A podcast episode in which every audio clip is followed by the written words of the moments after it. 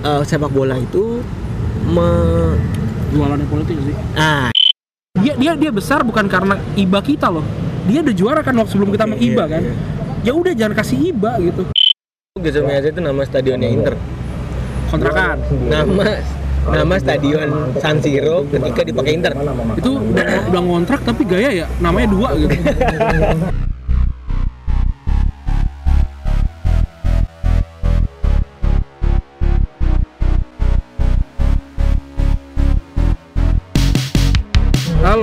selamat datang kembali di Retropus bersama gua Randi dan Febri. ini adalah podcast sepak bola Indonesia pertama yang ada di Spotify cuy. Yo, iya. Eh kita episode berapa sih? Episode ke-7. Episode ke-7 episode perdana setelah Piala Dunia, Pak. Minggu kemarin ya. Minggu kemarin. Kemarin lo udah nonton, kita juga kemarin minggu kemarin udah ada prediksinya kan, kita prediksi mostly dari teman-teman kita yang kita telepon itu lebih mendukung Prancis walaupun Prancis. pengen ada kejutan dari Kroasia tapi mereka udah kayak nebak gitu ya pasti pengennya Kroasia yang menang tapi Prancis yang juara. Nah, itu udah bener kejadian. Dan sebenarnya gue agak kesel sama, final Pep karena jadi abang gue uh, ngirimin barang ke rumah pakai apa truk gitu. Ah, Kayak kayak apa? Kayak kursi-kursi bekas warungnya dia. Oke. Dan itu lagi di final. Jadi gue gua melewatkan gol Pogba dan gol Mbappe. Oh, sebenarnya gue juga curiga. Gue pikir lo tidur. Oh, soalnya gue ngerti ya. Soalnya enggak, soalnya lo tuh tidak melakukan aktivitas apa pun di jam-jam beberapa menit awal tuh. ya kan? Enggak, itu di, di tengah-tengah. Iya, iya kan di beberapa menit awal babak kedua kan. Iya, iya, iya. Itu gue curiga tuh sama lo nih orang tidur jangan-jangan di final gitu. Gua- Ternyata gua dia nobar ngurusin bangku. no, gue nobar sama teman-teman SMP gue. Oke, oke. Nah, eh, ternyata kemarin kita nggak baca ini Pep komen Pep. Terus ada komennya. Bro. ada yang episode sebelum ini ada satu. Terus episode yang yang ini yang terakhir kemarin itu ada 5 apa 6 gitu. Oke, oke, boleh deh kita bacain deh. Kita baca dari atas ya ya. Yoi. Dari Kunanta. Kunanta bilang Kunanta, Kunanta sebulan lebih Kunanta. Itu puasa goblok. Nah, si Kunanta bilang Anjay, inget banget nih zaman nonton seri A, wasitnya Kolina lagi, Kolina lagi, Kolina lagi. sebenarnya sebenarnya kalau ngomongin kol lagi lagi itu sebenarnya wasitnya banyak ada De Santis dulu gua Gua gua ngapa? Oh, yang, yang, yang kayak Baji itu siapa sih? itu enggak Itu nggak di seri A ya? enggak di seri A Eh, itu Apa? di seri bawahnya tuh Seri ba- seri B. Eh, enggak itu gua tahu seri berapa cuman itu Nah, nah cuman yang memang nyentrik dan memang paling tegas dan ada di cover WE. ya dua dua and only Iya, wasit gila yang ya. masuk di Sampai cover ka- game itu cover hanya game ya, cuma Kolina hanya doang. Polina doang gitu. nah itu mungkin yang bikin ingatan kita para itu kalau di kampus dosen killer tuh gue yakin. anak 90-an itu tahu Kolina doang. Iya, tapi kalau disebutin siapa wa- wasit 90-an gue cuma tau Kolina doang. gue cuman tahu bener sih Howard Webb, Howard Webb kan ke sini enggak enggak ya udah gue gue admit memang bener Iya kan? pokoknya Segitu besarnya ya? yes Terus dari Tulus, Yoi Tulus. Ini yang gajah bukan ini? main sewindu Yoi. Tulus bilang keren nih. Pogba sama Mbappe golin Oh, tuh. Itu bener ya? Prediksi kita. Emang kita kembali dari Oh, Pep lu lihat gak sih Insta story gua? apa tuh? Jadi gua gua gua sore-sore tuh bikin dua Insta story, satu tentang gua gua nulis gini. oh ya lu sosok sosok ini ya Cenayang. sosok cenayang Selamat Prancis Prancis juara World Yang Cup. satu lagi lu delete, Iya, iya, satu lagi Kroasia gua delete. Kayak gitu Nasi Tulus bilang gitu. Dia mengagumi kita gara-gara kita berhasil menebak. Yoi. Bisa dia bilang ditunggu episode selanjutnya, Bro. ini Yoi. lagi bikin cuy nah, terus dua lagi Ram Ramadan WD sama Bimantio bilang, WD WD ti- tiga WD empat WD sama dua WD tuh kalau boleh tahu ini tuh pakai masjid. Yoi. Apa sih kubah? Kubah. Itu kalau kalau misalkan pengen ngerem pakai yang digunting tuh, ban karet. Ah, ya, oh iya tahu Pakai ban tahu tahu. Iya. Saya depannya pakai bandis apa di situ di dia situ. komentar apa by the way? Oh, Tamiya. Dia si Rama, si Ramadan WD sama Bimantio bilang Fulham musim depan Oke. main Premier League. Tapi udah bilang nggak by the way sebenarnya gue udah bilang tuh di situ Iya, di- kalau misalnya Nah, jadi dengerin dulu ya. di akhir statementnya Andri gue bilang me- mengkoreksi kalau misalnya Iya, Fulham itu uh, masuk Premier League. But uh, thank you buat yang udah mau koreksi. Yoi, thank you, thank you. Uh, we are happy to hear your comment. Tapi bisa ini nggak ya, minta tolong kayak komennya yang negatif buat kita gitu. Apa sih yang kayak ini audionya kurang, terus kayak apa sih namanya bahasannya pengen apa gitu Oh, kali ya. boleh, boleh, boleh. gitu ya Boleh, boleh ya. soalnya kita sudah mulai kehabisan bahasan Benar, benar, benar, Tundri. ya gitu ya Iya, iya. Kita kita kita happy banget sih kalau misalkan ini kayak anjir suaranya jelek gitu. Kita nggak apa-apa sih. Nggak apa-apa, berarti kita harus rekaman di studio band. yo Nanti enam ratus ribu. belakangnya angklung ya kan. enam ratus enam ratus ribu berapa? Satu jam ya? Satu shift. satu shift. Iya. dapat satu lagu. Oke ya. Transfer map lu coba lu deh yang yang duluan deh. Eh ini transfer. yang yang bikin lu happy nih Transfer sebenarnya yang bikin gue happy setelah minggu lalu gue tidak meyakin kalau misalnya ada kiper pengganti gue kan gue ngomong ya Iya, gue ngomong kan Alisson ya. Gue orangnya pasrah banget ya kan nerima nerima nerima kayak orang Jawa kan. Akhirnya ternyata Alisson uh, dondil, dondil tapi lagi hari ini per hari ini. Iya per hari ini ya. Tanggal hari Kamis sih tanggal 19 Juli 2018 selama belum megang jersey sih jangan dulu ya. Ya setelah kemarin Fekir juga kayak Iya, gitu kayak gitu Eh, Alisson dondil dan Liverpool berhak ngomong personal ke Alisson. Alisson 70 juta. Euro ingat. euro 70 70 juta euro. Itu sekitar 63 sampai ya 60 60 sampai 63 eh, pound ya. Mahal sih buat gue.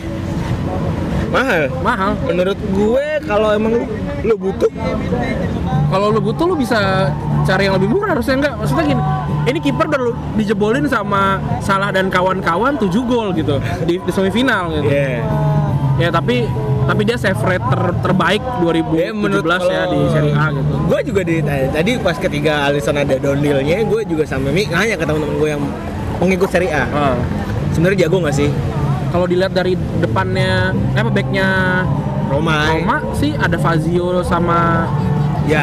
nggak tahu gue malah oh Kolarov sih yang bikin lubang. Manolas Manolas ya. Manolas. Manolas Kolarov sama Florenzi ya ya bagus sih dibandingin sama Liverpool sih backnya Ya menurut gue sih ya kalau dibilang mahal ya anggaplah kita beli salah 70 70 juta ya kan. ya benar dibalik aja Dibalik aja dibalik daripada aja. kita sakit hati loh. Iya. Duit, duit- bukan duit kita juga.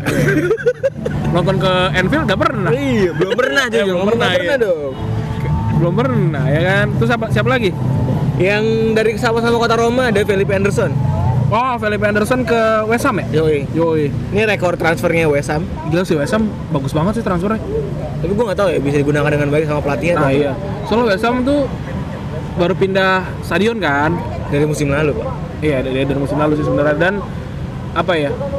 Kayak kayaknya untuk tim tim sekelas eh tim dari kota London dan main di Premier League tuh West Ham tuh kurang ter- terurus gitu dibandingin sama Millwall gitu misalkan Le- lebih bagus supporter Millwall gitu Kalau lebih bagus supporter gue sih eh, nggak bisa ngomongin standar ya, apa soalnya. yang blowing bubble Ya sih? kan dia kan dia kan terkenal Everyday we blowing bubble ya? Apa sih kalau dia punya chance itu kan yang bubbles itu kan. Yang The hooligan yoi hooligan Yang kalau misalnya lo main di West Ham, lo ada pertandingan away di West Ham, pasti gambar yang lo posting pasti ada bubblesnya. yoi yoi Lo perhatiin semua klub yang main away ke West Ham, entah itu dari official Premier League yang nge-tweet, yang nge-post atau dari klub lo sendiri yang nge-post pasti yang ada bubblesnya. Flowing bubbles itu. apa sih West Ham sih apa ya Sampai ada filmnya kan? Iya, hooligans. Hooligans. Hooligans. Tapi West Ham tuh cukup apa ya? Cukup indie lah gitu sebagai sebagai tim gitu. Keren aja ngelihat ada hammer dua bersilang gitu keren keren. Untung ada aritnya ya kan? Yoi. nggak, Ribut tuh. oh iya Pep, yang, yang bagus sih ini si kan ini kan ada Santiago Caceres nih pindah ke Villarreal tapi gua nggak tahu dia siapa nih. Eh. Nah, tapi yang bagus dari Villarreal mereka kan balikin Santi Cazorla nih. Hmm. 600 sekian hari nggak pernah main Eh. di di vonis per iya di vonis nggak nggak bakalan bisa main bola terus bakalan diamputasi kakinya. Ternyata main juga loh. Akhirnya Cazorla Kalau si Kat- Kaz- Cazorla, nggak Cazorla. Kalau si Kasorla sendiri, anjing lu bikin sebuah standar aneh lu. Kalau si Kasorla sendiri, eh dia bilang ini magic sih. Ini awal dia ngerisat ulang karirnya dia bilang. biar nggak ribet si Santi ini si Santi ini Nanti kayak nama kayak nama terasi jadi. sampai itu nggak sih yang yang lukanya tuh ditutup sama apa kulit dari yang lain sampai Nah. ada tatonya kepisah gitu dan ini salah satu gelandang Spanyol yang keren banget sih buat gue Gelandang flamboyan ya. iya keren keren banget gitu mukanya kayak Sandi Sandoro btw terus Siapa lagi nih, Ndri? Daleblin Daleblin Dublin akhirnya pulang lagi. lo tau, lo tau gak sih yang video video dia presentasi dia Enggak, gue nggak tahu. It's coming home, Delhi, it's coming home gitu jelek banget tapi gue yakin itu buat ngecengin Inggris sih Hmm. buat ngecengin Eh Inggris tapi yang jelas si kalau lo belum tahu, Hmm. Yang Hun tuh sebenarnya jokes. Iya itu jokes uh, pop culture lah, pop culture culture yang Inggris. Jadi saking seriusnya nih ya kan. 90 tahun 90 ya? Itu pas lagi Euro sebenarnya. Oh. Euro 96. 96. Sorry, berapa Ya, Euro? 90 90 udah ada deh. Itu kan karena itu unofficial song dari Euro karena Oh. uh, timnas Inggris tuh udah kecewa banget karena udah puluhan tahun nggak pernah Iya. juara dan lain-lain. Akhirnya mereka bikin official song, oh, unofficial song, Unofficial song. yang ngeledek timnas sendiri. Nah itu ya, nah cuman kan akhirnya ujung-ujungnya dianggap serius sama banyak pandit di sini kan. Soalnya apa namanya itu pada bilang ini, lu lu baru ngasih tahu itu jokes ketika udah kalah. itu pada bilang apa lu cuman satu doang lu orangnya? Oh itu doang sih. Oke, Siapa lagi bro? lanjut. Ada Jorginho ya? Oh Jorginho 64 juta eh.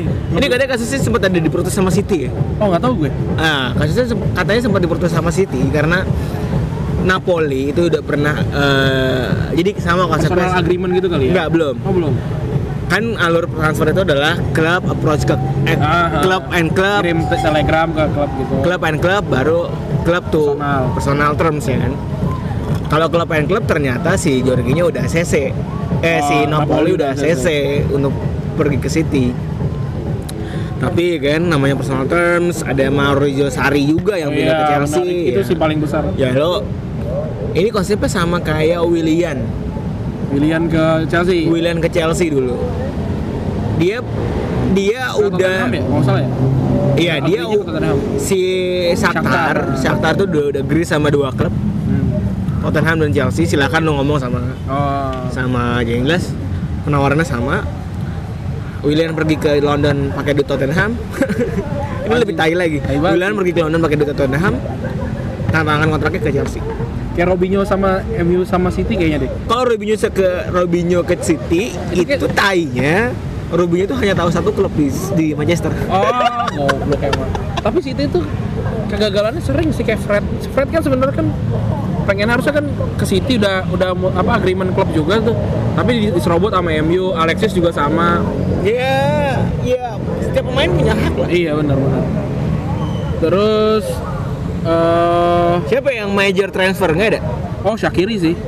Akhirnya kan kemarin udah kita omongin. Udah ya 15 15 juta cuy gila. Itu Bergen sih. Tuh bargain banget sih. Meskipun kayaknya bakal cadangan ya. Ya yang jelas seenggaknya kalau kehilangan salah atau kehilangan Mane ya Iya. klub bakal tenang-tenang aja. William Calvario pindahnya ke Real Betis cuy. Ini lu Tapi, tapi kok ada harganya ya? Gue bukannya dia udah udah apa namanya terminate kontrak ya? Eh, ini harus kita dalamin lagi nih, Dre. Oh iya nih. Daripada ini- kita berasumsi ya kan, tapi Iya. seorang William Carvalho pindah ke Betis itu kayak sesuatu yang gak duga-duga gak sih? Nggak nggak didu- nggak diduga-duga sama kayak yang Jane Michael Sherry itu Hmm. ke Fulham gitu. Tapi ya mungkin sebenarnya Bet- Betis juga bukan tim yang jelek gitu. Dia kemarin hampir kalau nggak salah masuk ke Eropa deh. Tapi by the way, ini mungkin langkah langkah pelan-pelan yang Iya benar pemain. benar benar. Karena, karena mungkin setelah ngelihat temennya Ini- ini- siapa ya yang mukanya mirip alien, eh mukanya mirip predator tuh Renato Sanchez. Renato Sanchez. Eh, ini juga mungkin bisa jadi eh gua, eh, terakhir kali gue lihat itu ketika Van der Sar pindah ke Fulham. Iya benar benar benar benar. Seorang Van der Sar dari gitu. Juventus enggak Dia dia terlihat, terlihat nyerah sih kalah sama dia Buffon. itu nggak mau pindah ke MU. Jadi MU itu udah nawar semenjak dia pindah ke Fulham. Oh, oke. Cuma dia mau dia bilang gue nggak mau pindah ke Inggris kalau langsung ke MU.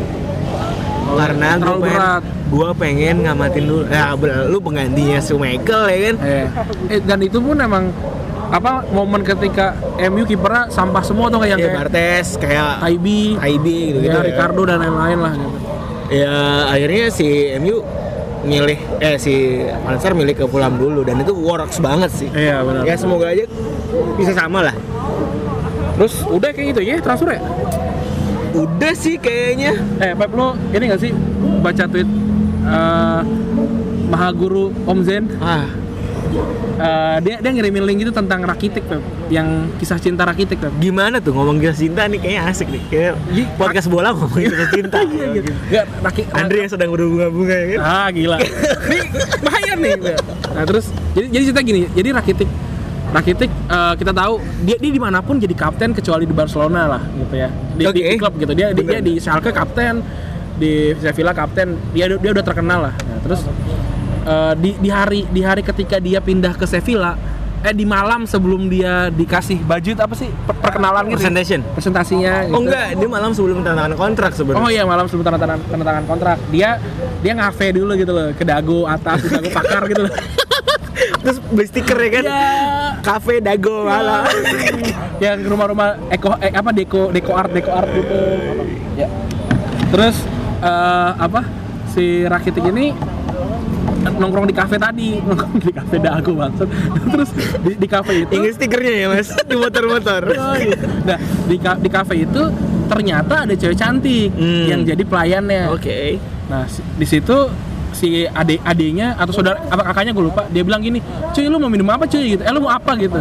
Eh, gue mau kopi sama gue mau dia gitu. Dia nunjukin si cewek itu gitu. Nah, tapi kayaknya Rakitic tuh tipe-tipe yang bukan kayak Ronaldo gitu yang, yang cewek cowok-cowok cupu gitu kayaknya ya. Dia tuh dia dia tuh ngelihat ngeliatin bukan cewek. bukan cowok alfa ya. Yoi, bukan cowok alfa dia, meskipun dia kapten gitu. Dan dia dia, dia di Sevilla kan setelah itu kan jadi seperti Tuhan gitu. Dewa banget lah dia di Sevilla bawa juara Euro dua kali ya, kalau nggak salah ya. Iya. Dia kan Euro, dua kali gitu.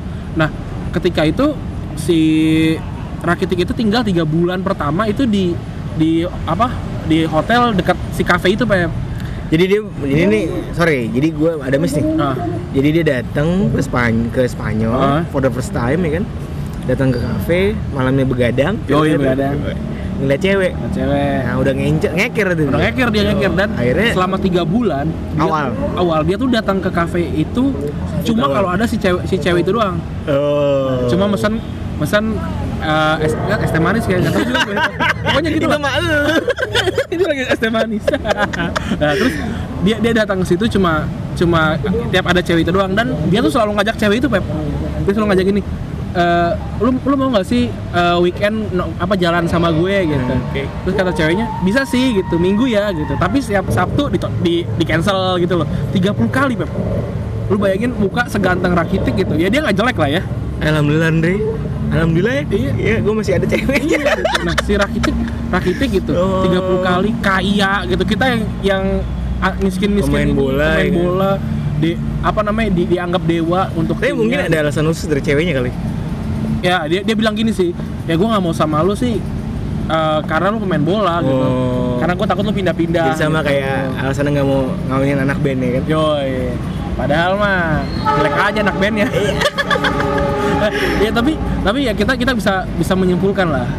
Ternyata ini anjir kita sepak ini podcast bola Nggak nih cinta. podcast ah, podcast asra asrama. ini podcast asmara, asmara sih. Nah, Nah, nggak apa-apa. Tapi enggak kalau menurut- kan ada bola-bola Iya, juga. Kalau menurut lu kalau menurut lu gimana? Lu lu rakitik nih. Ditolak 30 ya, kali menurut cuy. gua kita yang gagal bercinta tuh nggak spesial. Berarti kita yang gagal bercinta tuh sering gagal bercinta, sering gagal dalam men- Mungkin dalam mencoba mencoba kali. mendekati wanita itu sebenarnya kita nggak spesial. Mungkin lu baru Even- baru nolak ditolak 10 kali gitu. Ini kan rakitik cuy. Iya, gue gue ditolak 10 kali gitu. Mungkin gue akan dapat ketika dapat ke 50 gitu misalkan. Begitu, Pak. Ya itulah. Jadi lu buat para fans sepak bola luar sana Yoi. yang ma- asmaranya sedang ngeganjel? Yoi. putus nyambung putus nyambung, bingung, ya kan? Carilah Rakitic first love gitu misalkan. menjadi men- contohlah rakitik. Rakitic. By the way, acara kali ini, eh, podcast kali ini kita diper- dipersembahkan oleh Yoi, sekarang terima kasih atas netizen. Kita sekarang udah punya sponsor. Yoi. Sponsornya dari Nigeria, cuy. Wah jauh bener Andre. Kopi Nigeria. Wah, kopi apa tuh? Nuako Kak Nuak kopi Kanu. kopi nikmat. Gak pakai kembung. Jadi kita bakal nyari beat beat tai yang Iya, kayak iya, gitu, gitu. di setiap episode. Ya, gue ada lagi satu lagi Pep sebenarnya Pep. Apa tuh? Sorry saus turam. Kalau lu punya ide, kalau lu punya ide ini lu lu bisa komen, kalau enggak lu email sih podcast podcast retropus at gmail.com Eh, by the way, kalau soal rakitik nih, Nah, sebenarnya lu kemarin yang yang, yang tebak-tebakan eh, nah, ini banyak nih, gue udah nabung nih. sebenarnya eh, budaya Kroasia itu udah mendarah daging nih Woi, di Indonesia. kenapa? Karena tiap tahun kita pulang kampung. Oh, Dan pulang kampung tuh pakai bahasa, bahasa Kroasia tuh. Oh, Apa tuh? mudik. Eh, ya kan? Benar benar benar benar benar. Terus kalau kalau banyak sebenarnya bahasa Kroasia dari eh bahasa Indonesia dari Kroasia cuy. serapan. Banyak banyak banyak banget. Coba lu bayangin kalau suatu barang itu bentuknya kecil. Apa coba bahasa Kroasi? Letik. Bangsat. Apa itu, itu tuh kayak serangan serangan baliknya MU gitu, tidak terduga. Iya, Terus juga makanan ringan tuh banyak dari Kroasia tuh. Keripik. Udah, udah, udah, udah. banyak kan. Eh ngomong-ngomong, eh ini kita asik sendiri di kafe anjing. Iya, anjing. Ngomong-ngomong, dari tancap cuy. Enggak lu kenapa milih kafe ini sih, Bang? Kenapa milih kafe ini? deket sih. Deket itu kan lu juga. Oh ya lu habis dari mana nih by the way? Malam-malam pakai baju hitam ya kan. gua jadi nyamukin yang pala lu udah nyamuk semua. Ini kita rekaman Kamis nih, gua Oh. dari aksi Kamisan. Wih. Kamisan. Rutin Andre Kamisan. Enggak sih, kayak ya mungkin sebulan dua bulan sekali lah. Eh, tapi seru Andre. Apa apa apa. Coba ini gua tantang lo. Oke, oh, asik. Gua tantang udah kayak master chef aja. Freestyle. Di sini Enggak, enggak adalah empu. Aja ya, I make it sampah banget bangsat. Sebenarnya ada gak sih hubungan antara aksi Kamisan yang lo datengin? Hmm. Ya kan aksi Kamisan setiap minggu ya. hmm. Dengan konteks sepak bola. Ada sih, Beb. Jadi Coba deh. Sebenarnya aksi Kamisan tuh eh, erat banget sama sepak bola. Oh malah erat banget. Erat banget. Allah. Barusan Febri makan.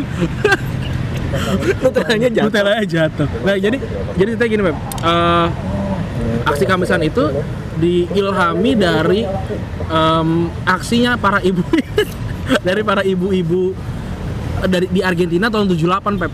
Oh, Jadi jadi tahun 78 itu wah kita bahasannya bakal seru nih panjang. iya ini bakalan bakalan panjang dan kalau ada yang salah tolong biasa seperti biasa di di, aja. di komen gitu. Nah, jadi ada ada satu orang namanya Ra- eh, Tamburini, Pep. Tamburini itu seor- se- seorang kiper dari dari gua nggak gua nggak tahu nama klubnya ya, gua nggak tahu nama klubnya tahun 78 Jelas dia orang Argentina. orang Argentina.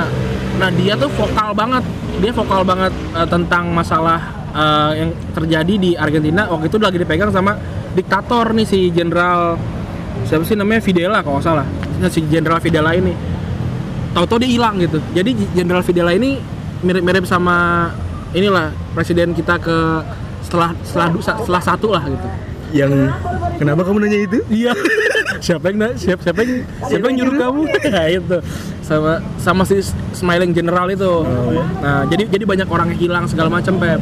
Nah, jadi eh, kan kondisi parah banget, kemiskinan segala macam di Argentina seperti seperti layaknya apa Amerika Selatan lainnya gitu. Hmm. Nah, gimana caranya supaya si eh, si diktator Videla ini dicintai sama rakyatnya? Akhirnya dia request jadi tuan rumah Piala Dunia 78, Pep. Oh, request. Request dia request jadi Piala, Piala Dunia 78 dan akhirnya kejadian. Yang pada akhirnya kita tahu Argentina juara dengan siapa? Mario Kempes ya? Ah, 78 Kempes ya akhirnya di, di Pelita Jaya kan terakhir.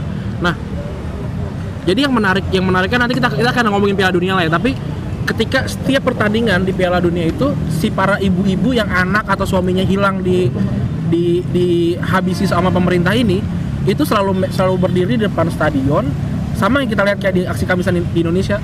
Itu nanya nih ini anak sama suami gua ke mana? Itu setiap setiap uh, pertandingan sampai final juga dia tetap ada. Bahkan sampai pas awal tuh kayak cuma belasan gitu terus puluhan ratusan gitu sampai era di final ya meskipun ya mungkin kalau kita di Indonesia juga kayak kita akan tetap nonton bola gitu ya maksudnya Oke, at least uh, gain awareness lah. iya gitu era sampai les 36 tahun dan berhenti tahun 2006 Oke. dan setahu gue aksi kamisan Indonesia dimulai tahun 2007 gitu dan emang itu apa namanya sangat mirip sangat mirip korelasinya gitu Ya. dan di 78 juga kan kita tahu eh, sampai siapa legenda eh, Johan Cruyff nggak mau nggak mau ke Argentina karena dia takut gitu. Nah, itulah yang akan kita bahas hari ini yaitu Iya. adalah politik dalam Polit- sepak bola. Yoi politik terus militer Nah, gitu. intinya kaitan ya intinya lo tidak bisa memisahkan uh, keterikatan antara politik dan sepak bola Iya, lah benar. sebenarnya. even sampai sekarang dan di, di Piala Dunia kemarin pun gitu ya Denger-denger. denger-denger gitu Eh, tapi by the way, Hah? coba denger. Kan kalau ngomongin politik dan sepak bola itu yang ketara banget adalah Piala Dunia tahun 78, bener nggak? ya 78 yang tadi kita omongin 78 itu di mana Argentina juara Argentina juara mengalahkan eh, Belanda, Belanda, di final. Belanda, benar. Skornya lumayan 3-1. Ini cerita ini cerita nih ya. Ah. di tahun 78 itu Johan Cruyff yang lagi Gila-gilanya tuh. yoi juara juara li- apa Liga, Liga Champions, Champions, kan? tiga kali itu sampai tau gak sih ada anekdot yang gua nggak tahu ini cerita bener apa enggak tapi sampai dia tuh juara ketiga kalinya tuh pialanya tuh kayak ditenteng kayak bawa belanjaan gitu loh. sampai akhirnya uh, pemain Bayern Munchen tuh ngamuk gitu kayak bangsat nih gua ngincer itu tuh karena kan sampai sekarang nggak pernah juara lagi kan tuh kan 95 pernah sih ya itu nih Juk. Eh, dia dia dipanggil ke timnas Belanda hmm.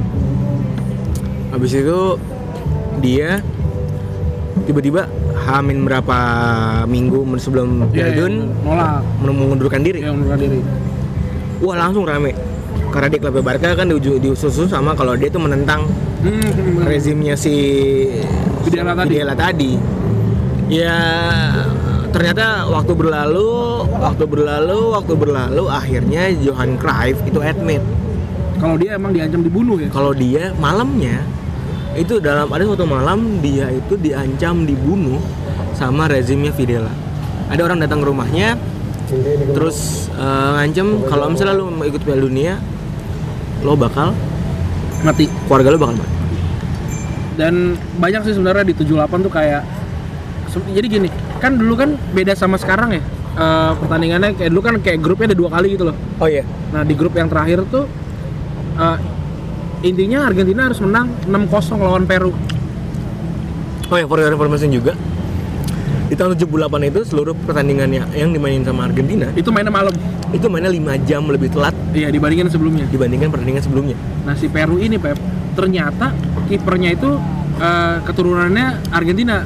Nah, akhirnya apa namanya gimana entah gimana akhirnya Argentina menang menang 6-0 jadi karena Brazil menang di pertandingan terakhir ya, ya lawan lawan Uruguay setahu gue. ya 3-0 si Argentina harus menang menang 6-0 6-0. supaya dia masuk final. dan akhirnya menang 6-0 Itu kan aneh ya.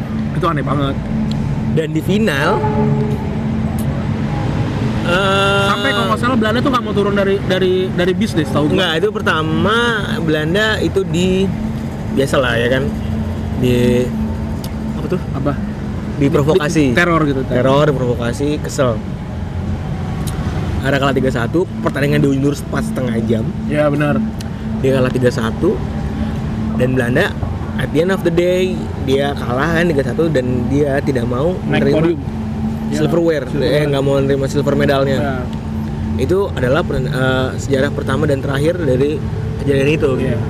dan sebenarnya kalau dilihat dari fansnya si Argentina ini juga pada pada benci juga gitu maksudnya dia ada nggak nggak ada kebanggaan yang berlebih gitu dan 9 tahun 78 kan juga ini sebenarnya apa sih am- eh, agenda ambisi banget dari Argentina sebenarnya karena kita nggak pernah tahu Argentina sampai tahun 78 jago bola gitu loh Nah sebenarnya lo juga sebenarnya ini adalah sebenarnya buat teguran buat para fans Messi. Fans Messi terutama ya termasuk lo mungkin.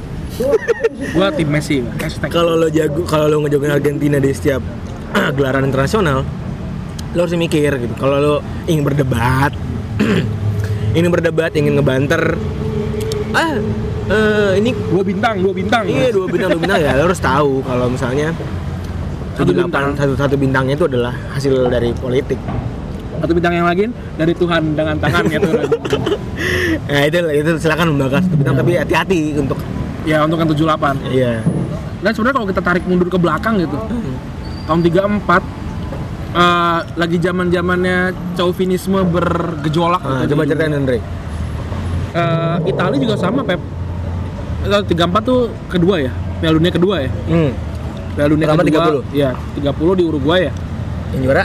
Uruguay terus 34 akhirnya ke Eropa untuk pertama kalinya dan Mussolini yang megang kita seperti tahu lah Mussolini chauvinisme Mussolini punya punya dua alliance Jepang sama Jerman kan Yes. kubu Aksis ya Iya. kubu Aksis gitulah intinya yang mengakibatkan perang dunia kedua yang mengakibatkan juga Piala Dunia berhenti sampai tahun 50 Yes. gitu nah dan di di 34 ini eh, Itali itu diwajibkan menang kalau enggak Victoria Pozzo dan. Giuseppe Meazza itu harus apa digantung dan akhirnya untungnya menang gitu. Buat lo yang belum tahu, Giuseppe Meazza itu nama stadionnya Inter. kontrakan Nama nama stadion San Siro ketika dipakai Inter. itu udah, udah ngontrak tapi gaya ya namanya dua gitu Ya Kalau mungkin ada dalam klausul kontraknya. Iya. ada. Terus eh, ya gitulah intinya intinya sepak bola kita juga, semua orang tahu sih kalau 34 lah udah udah udah mafum ya kayaknya kalau 34 ya Mussolini terus eh, apa sih banyak juga ke, ke- apa sih yang yang janggal-janggal gitu meskipun gua nggak begitu paham di 34 karena mungkin terlalu jauh untuk di untuk dikulik gitu. Gua juga itu kalau pun salah, 3, 34 kalau salah Indonesia ada pertama Kalau- enggak ya? enggak gua Oh nggak- 38 38 ya. Kalau ngomongin soal Piala Dunia zaman dulu, gue coba beberapa kali baca jurnal sih paling tri. Iya. Ya, beberapa cerita itu pun yang menurut gue ya who knows kayak history written by the winner gitu. kita ya nggak itu pernah. jadi dengan dua dari kesimpulannya menurut gue ada kesimpulan sih.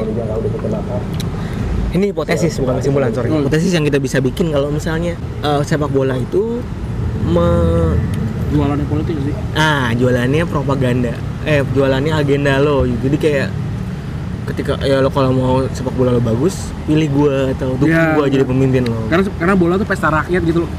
Kayak 78 gitu orang-orang Argentina lupa kalau dia tuh nggak bisa makan gitu. Tapi mereka nonton Piala Dunia gitu loh. Dan apa ya? Gua gua sih gua sih eh, mengkhawatirkan se- sepak bola Indonesia masih di 78-nya Argentina atau 30 34-nya Italia gitu. kalau kita lihat beberapa case mungkin nih Kayaknya sih. Bayangkara Ah, juara. Bayangkara juara dengan gaya yang luar biasa Iya, subhanallah gua PS, PSM akhirnya jadi gue nggak gue nggak tahu kata-kata apa yang harus gue ucapin terus juga by the way ada salah salah, salah satu klub di ini yang curhat anaknya pak pelatihnya nih Oke. Indonesia. Indonesia ada salah satu salah satu klub di eh, selatan Sumatera Oh. Yang nama anak yang anaknya nyalonin terus nama nama bapaknya di bawah- di, di belakangnya ya? nah jadi dia nggunain klub itu buat jadi propaganda politiknya dia Yang yang logonya kayak kantor pos ya? yang baju di, yang jersey batik udahlah udah yang jersey ada batik-batik kayak gitu ya, bagus bagus banget sih. Yang jersey tahun 2009 tuh gue suka banget. Iya.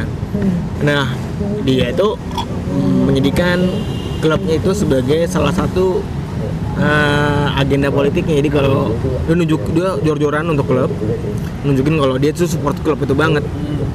Dilalahnya di tahun ini kemarin Kalah ya? dia kalah. Kalah. Akhirnya ada beberapa pertama Rahmat Darmawan langsung sebut gue 9 orang cuy cabut. pelatihnya nggak dibayar, which mean itu pelatih salah satu pelatih Makan profesional. Konate ke makan Konate aja udah udah pakai baju Arema kalau salah. salah satu pelatih profesional tertua dan maksudnya terbaik salah terbaik di Indonesia gelar. ya kan Ada gelar satu ya gue. itu dan itu diprotes sama anaknya beliau di sosial media dia bilang Anak anaknya Pak Rahmat. dia yang pilot ya? ah gua nggak nggak nggak tahu malah cewek sih Iya pilot. Gosip-gosip underground gue emang habis itu kayaknya.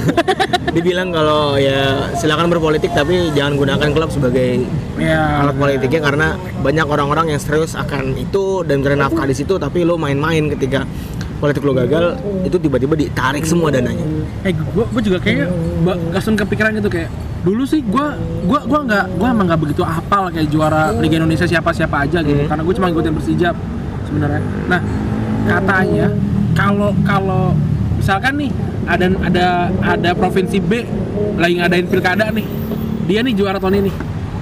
Hmm. dan gua gua gua waktu itu pernah baca dan ada ada yang bener pep kayak wah ini bener ini bener ini bener, ini bener nah dilalahnya tahun ini pilkada serentak banyak banyak Tapi bagus sih, mungkin bagus sih sih. ya, ya. mungkin kayak gitu Eh bagus sih itu nunjukin ya secara tidak sengaja ya mungkin dan tidak kita kita sebagai rakyat sepak bola itu sebenarnya agak-agak antipati sama politik. Maksudnya kita nggak nggak melihat politik secara dekat sedekat itu dengan sepak bola ya kan. Nggak ada yang aware juga mungkin. Nah ini jadi lu sekarang aware. Oh ternyata dengan adanya pilkada serentak itu malah mengurangi eh, iya benar chance-chance kecurangan gitu. sepak bola Dan- di dan eh, kita di juga Liga Indonesia. sih apa sih kayak nggak boleh kayak taklid buta ngedukung kayak wah nggak bisa ti- tim gue pasti bener tim gue nggak boleh nggak boleh di nggak boleh di senggol segala macam gitu kalau kalau misalkan ada fakta yang terpa, terpapar gitu ya harus ha- ya harus logo logowo sih gitu karena kan Hmm. sebenarnya agak agak agak riskan kalau kita ngomongin tentang klub Indonesia ya karena serangan akan banyak datang sih kalau kalau kita sembarangan ngomong gitu Betul. tapi tapi ya gue ya gue cinta sama sepak bola Indonesia gitu yang yang gue ceritakan ini juga sebenarnya bukan bukan obrolan warung kopi biasa udah naik ke mana-mana sebenarnya kita tahu semua gitu Ya by the way, ya itulah. Ya kan mungkin kejadian saat 2000 berapa tuh Ndri? yang mana tuh? Piala AFF Yang berasa banget itu di under 19 oh 2012 itu kan lu tahu sendiri, lu Iya, lihat iya. sendiri, ya lu rasakan sendiri bagaimana kita keliling Indonesia ditayangkan di CSTV, Oh, iya sih. ditunggangi beberapa elit-elit politik, ya itu menurut gua adalah salah satu bukti bahwa memang ya sepak bola tidak akan pernah jauh dari benar. sebagai alat politik gitu. kayak seakan-akan ketika dia juara atau dia berprestasi gitu karena dia, karena si A, Ka- karena ka- si B. karena ini ini ini lagi di, di rezim gua nih berarti gua yang naikin enggak cuy sepak bola itu itu tuh nggak bisa nggak bisa instan gitu loh kita nggak akan nggak akan pernah ngelihat Brazil yang juara terus-terusan itu bukan karena tahun itu bagus enggak Itulah mungkin Akumulasi dari eh, kemarin beda sama klub ya. Klub luar, sorry maksudnya. Kalau klub luar kan itu udah swastanisasi semua. wah ya. Ketika di sini namanya masih Persija, Persatuan Sepak Bola Indonesia Jakarta, Persipasi, Persatuan Sepak Bola Indonesia Bekasi, ya kan? Persijap Jepara, Tapi waktu- PSIS. tapi Itu kan waktu menunjukkan misalkan waktu zamannya apa I- IPL waktu ada Tangerang Wolves pada ngecengin. Ya itu menunjukkan bahwa ada keterikatan antara daerah Iya. dengan karena waktu itu dana APBD kan meskipun udah udah udah diputus sih. Nah. tapi nama kan mungkin agak susah dirubah. Nah, ya itulah. Eh, masih ada ketergantungan antara ya dekat lah. Jadi jangan ini banyak cuy kalau muda harus aware sama aware sih ya harus aware. Kayak banyak banget yang yang jadi jadi ketua jadi ketua apa ketua klub gitu dia juga main di politik dia juga jadi anggota DPR jadi segala macam segala macam gitu. Eh, deket ketua banget. PSSI kita siapa sekarang? siapa? Hilang tuh. Yang yang yang janji-janji tuh yang janji-janji yang katanya ini kita akan usut si Banu yang meninggal tuh. Kita akan usut sampai dapat gitu. Eh malah liburan dia. Anjir kayak malu gue yang Kemarin nyalon juga ya? Nyalon menang dia. Di Medan. iya gara-gara gara-gara nggak tahu lah ya udahlah ya kan.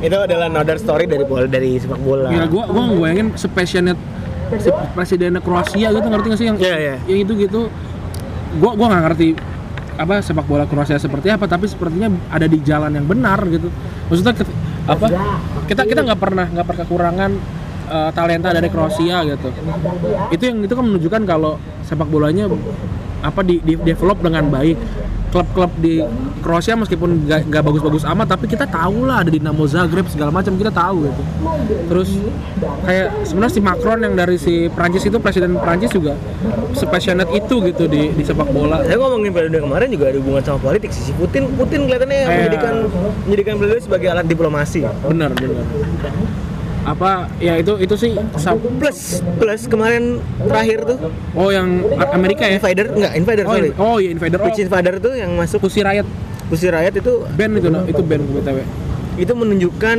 bahwa itu pesan tersiratnya Iya. adalah police join the game. oh iya benar dia, dia pakai baju polisi tuh Yes. dia pakai baju polisi Jadi iya, polisi police join the game which means kayak aparat aparat keamanan di Rusia itu ikut-ikutan politik. Benar, benar. Rusia jadi kayak melindungi Putin.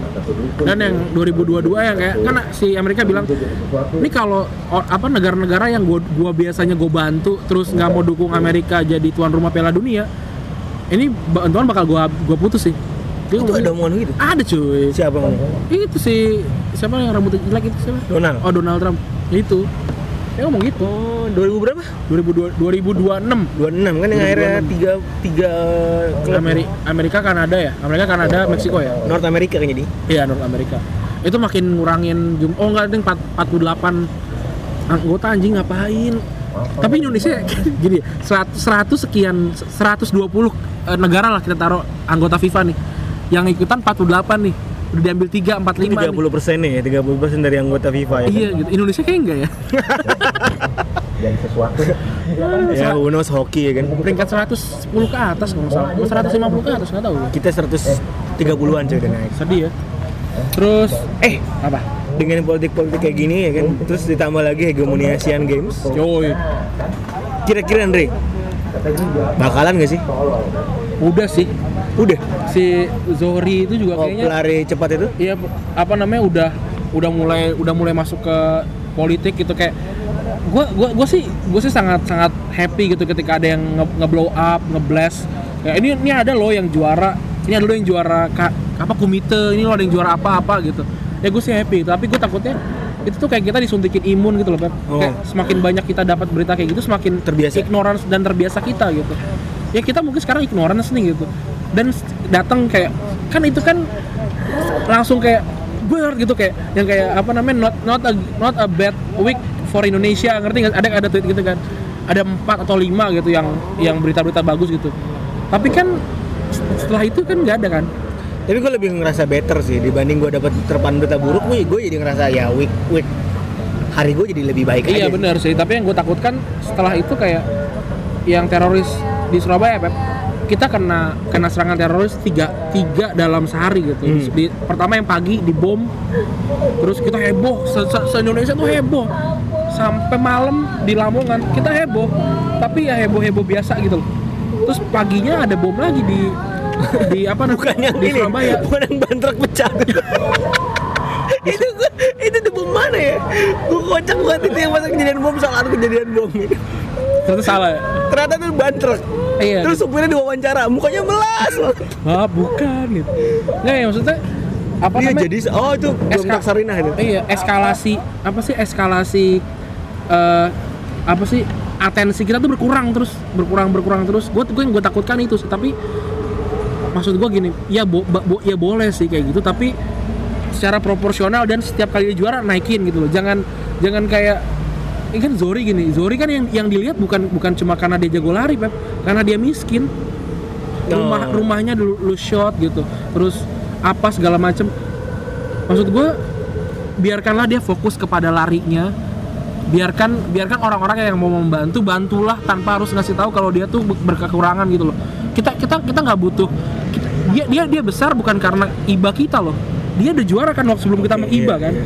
Ya udah jangan kasih iba gitu kasih Dorong, ka- kasih kasih dorong semangat ya kasih kan? semangatnya aja gitu Dengan insentif yang lebih tinggi kalau Iya. di juara mungkin. Benar. Itu lebih bagus menurut gue. lebih bagus dan nggak harus kayak harus yang yang nanti dapat medali emas masuk PNS gitu ya tujuan tujuan mereka untuk dap- dapat medali emas itu sebenarnya bukan PNS atau enggak ya. ini karena buat bangsa ini karena nunjukin kalau kalau negara negara di atas segalanya buat mereka ketika Asian Games Tapi gitu menurut gue, sorry, dapat medali Hmm. jadi PNS merupakan sebuah solusi menurut gue pribadi Ndri. Karena banyaknya kritikan di masa lampau, juara apa itu hanya jadi apa, juara apa hanya jadi apa di endingnya jadi tapi kalau misalkan sekarang nih jadi miskin, sorry. iya Jadi miskin itu menurut gue adalah bagian dari solusi dari Kemenpora. Eh ya udah, gue menghargai lo kalau lo menang dapat bonus plus lo dijamin negara sampai lo tua. tapi gini Pep misalkan nih kalau lu jadi PN lu dijamin Pep lu bakal masuk bakal, bakal jadi PNS apakah lu akan berlatih sekeras ketika lu belum ada jaminan itu Sebenarnya sama aja sih. nggak kalau menurut gua nggak Di- mereka mereka berarti keras karena mereka akan jadi PNS ngerti gak sih? Oh gua akan jadi PNS nih gitu incerannya gitu kan karena mereka berarti keras ketika udah jadi PNS gue yakin endurance latihan mereka tidak akan sebesar sebelum itu Oh. Itu kan itu hanya jaminan ketika ya jaminan ketika mereka itu sudah selesai ya ya kalau- ber- oh ber- berarti kalau itu gue setuju tapi kalau misalkan ketika itu langsung enggak, enggak. gua, gua nggak Jadi nggak ada. Jadi kayak siapa? Menang yang mix double tuh, siapa sih nggak tahu yang rambutnya bondol, ini si Butet Butet Owi. Hah? Itu kan eh, dia Belum masih jadi main bulu tangkis kan? Iya, gue gua kalau kalau itu gue setuju sih. Tapi tapi kalau kalau misalkan dia tiba-tiba jadi PNS sih gue nggak setuju Enggak, sih. enggak itu enggak. Itu jadi ke ketik ini tuh kayak jaminan kalau misalnya lu tidak akan seperti veteran perang gitu Iya, misalnya. Karena karena kalau kalau uh, kalau olahraga atletik gitu misalkan itu kan olahraga hitungan detik ya. Lu, lu latihan tuh bertahun-tahun dan lu diselesaikan kayak Zori cuma 10, koma sekian detik gitu. Itu ditentukan segitu doang gitu. Ya em- emang butuh banyak apresiasi tapi tadi lah sepropor pro- apa proporsionalnya aja ibanya dikurangin, banyakin banyakin full support yang yang yang kita yang yang dia ketika latihan kayak dia nggak usah nengok ke belakang anjir rumah gua bocor nggak nih ngerti kan gitu ya Betul. Gitu. Betul sih betul, tapi yang jelas ya itu salah satu usaha sih. Ya udah, Iya. gue sih menghargai kalau kan faktanya memang ketika tua nanti mereka tuh dijamin Iya, pemerintah. yang, yang, yang penting itu dijamin. Itu yang penting itu dijamin. mungkin lo semua ada yang masih komentar di Iya. dekat dekat lo adakah yang berbau-bau politik dan olahraga Oh kayak gitu. Terus juga kasih tahu kita mau ngebahas apa nih minggu depan. Yoi. barangkali lo ada ide Ah, dan kita sekarang udah ada di semua platform ya. Yoi. Dan kita adalah sepak, uh, podcast sepak bola pertama yang ada di Spotify. Yoi. Um, ya bantulah apa abis abis dengerin nge-share gitu ya nge-share Iya, kali Iya. di stories kan bisa tuh Yoi yoi kan bisa sorry gitu. Nanti nge-tag tag di kita gitu. Bisa saling saling membantu anjir. Sebenarnya sebenarnya sih kita udah happy banget sih sama pendengar segini ya. udah udah udah, udah happy banget gitu. lah udah banyak yang komen juga ya which mean ya kalian berha- berarti lah buat Yoi. kita Oh yaudah by the way tar lu Ndri sebelum menutup apa? dari Oh, podcast iya. kita hari ini enggak Ada ada ini tadi kita belum nyebutin sponsor dua tuh. udah tadi masa Kan di kan di awal dan di akhir lu nggak pernah jadi penyiar penyiar radio sih. Eh, tar dulu, gue juga ada lagi. Oh, ada lagi? Ada lagi. Apa tuh, apa tuh? Tebak-tebakan Kroasia. Aduh, gini kan harus tebak-tebakan yang Iya, harus- nggak yang mau ini kan. sponsor. Tar dulu, sponsor belakangan. Tebak-tebakan dulu ya. Oke oke. Ayo, penyakit penyakit apa dari Kroasia ya kan? Bintik bintik. bintik bintik bintik bintik nyamuk. Apa ini? Rematik. ya udah ya. Nah, Eh, nggak? podcast kali ini di- dipersembahkan oleh Anjir, dari sini sorry saus turam. Iya, dan satu lagi anjir susah nyebutinnya. Nuakanu nuako kanu kopi nikmat tidak bikin kembung yoi gua Randi cabut. Tar lu, nongko kanu kopi nikmat gak bikin gembung. yoi gua Randi cabut. Gua Febri juga cabut. see you next time. Bye bye